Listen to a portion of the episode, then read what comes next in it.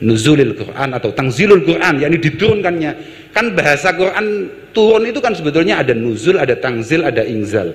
Cuman ulama kita itu lebih cenderung kepada nuzul atau tangzil. Karena kalau ingzal itu pondok-pondok itu konotasinya tidak sehat ya Pak ya. ya kalau sudah lafat ingzal itu konotasinya tidak baik kalau di pondok-pondok itu. Makanya kemudian menggunakan padahal inna angzalnahu fi lailatul qadr inna angzalnahu fi lailatin mubarakah itu semua pakai angzala.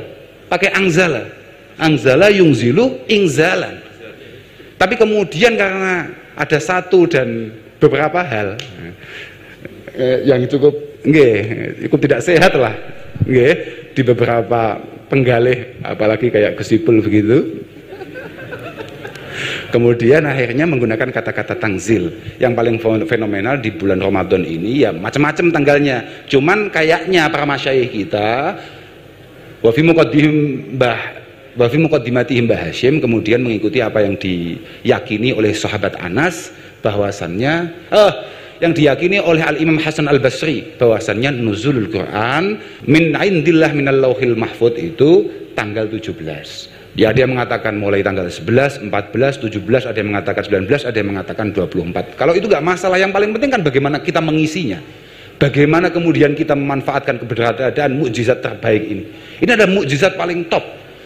Tidak ada mukjizat yang lebih hebat, lebih dahsyat daripada ini. Bahkan jauh lebih dahsyat daripada Mbah Kanjeng Nabi Shallallahu Alaihi Wasallam yunshiku al-qamar insyikokil komar itu masih nggak ada apa-apanya karena ini adalah mukjizat yang bersifat abadi. Makanya kemarin ketika awal bulan puasa bu ketika awal bulan puasa kami di rumah itu ngaji kitab namanya Burdah. Itu karangan Imam Busairi uh, Imam Busairi Burdah sang Amin Tadagur ini gitu. Nah, gitu.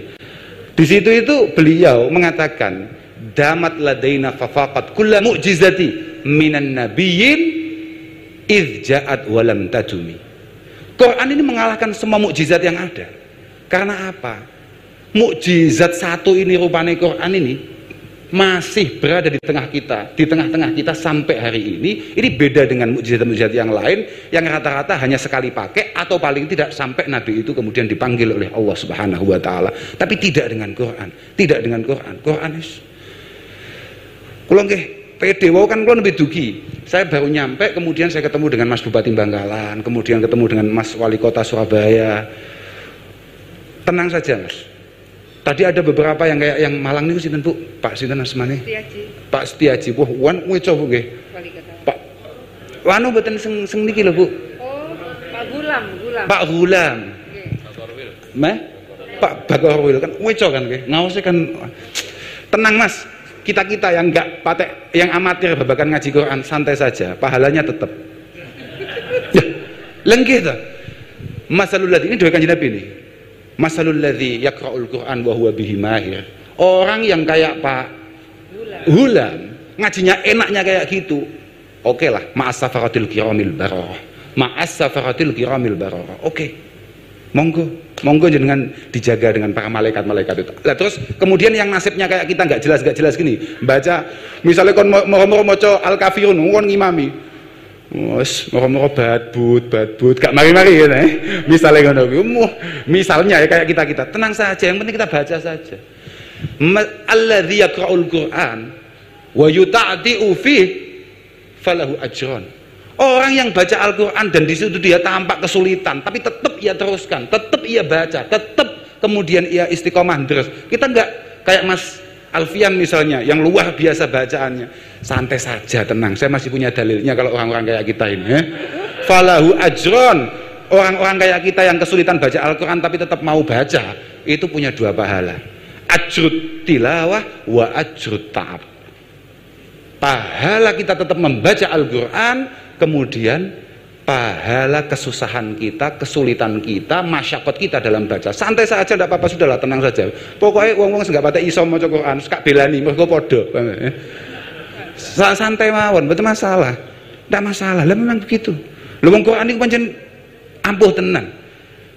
Syifa likulida, maka barokah hataman Quran, barokah acara nuzulil Quran semoga Indonesia benar-benar menjadi negara yang aman, negara yang sehat, negara yang kuat.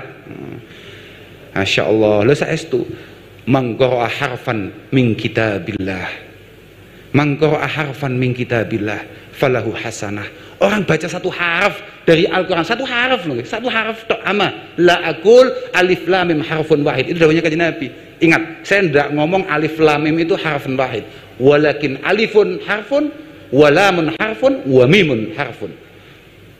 Alif itu satu harf lam itu satu harf mim satu harf. Sudah wah padahal fal hasanah bi asyrati amsalihah sepuluh kali lipat sudah lah pak. Mergo ampui Al-Quran kita baca saja tanpa paham. Itu pahalanya luar biasa. Tapi hakikatul amr hakikatul amr Quran itu diturunkan untuk dipahami. Kitabun angzalnahu ilaika mubarakul liyadabbaru ayati. Yang paling penting untuk dipahami.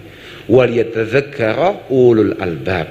Lah kalau kelasnya kayak kita-kita ini ya setengah anu lah setengah. Kan begini al-farqu baina Watadabbur, kalau tadabbur itu kelas atas ya. Makanya disebutkan dalam Al-Qur'an ulul albab. Itu kelas atas. Itu akabiri ahli ilmi. Tapi paling enggak kayak kita-kita ini, kayak kita-kita ini berusaha untuk tadabbur, untuk mengerti maknanya. Jadi jangan sekali-kali hanya karena ngerti makna kemudian panjenengan-panjenengan atau di antara kita ada yang merasa kita ini sudah siap fatwa. Kita ini sudah siap tampil. Kita ini sudah oh mengerikan itu. Karena karena jenengan misalnya hanya paham bahasa Arab misalnya atau ngerti bahasa Arab terus saya sudah sekelas Mbah Kiai Abdul Hamid ini boleh berfatwa oh jauh pak jauh pak. Kiai-kiai amatir apalagi masih ustaz-ustaz itu jangan. Sudahlah. Yang penting bagaimana masyarakat itu bisa baca dulu aja. Jangan aneh-aneh yang fatwa loh enggak saya itu betul-betul ini benar ini.